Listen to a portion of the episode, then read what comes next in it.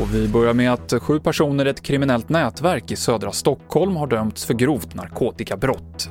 Den som pekats ut som ligans ledare var även åtalad för människohandel eftersom han enligt åklagaren rekryterat unga för att sälja knark, men han frias på den punkten. Regeringen kommer idag besluta om inreseförbud för alla utlänningar som inte kan visa upp ett negativt covid-test. Beslutet tas på begäran av Folkhälsomyndigheten eftersom man är orolig för att nya virusmutationer ska spridas i landet. Exakt hur det kommer vara utformat ska presenteras på en presskonferens med bland andra Stefan Löfven och den sänder vi på TV4.se klockan kvart i tre. Och en Ryanair-reklam har blivit en av de mest anmälda av tittare i brittisk historia.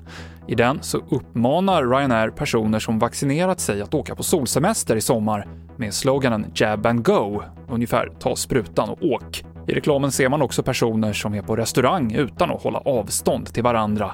Och nu har Ryanair förbjudits att visa den här reklamen, det skriver Guardian.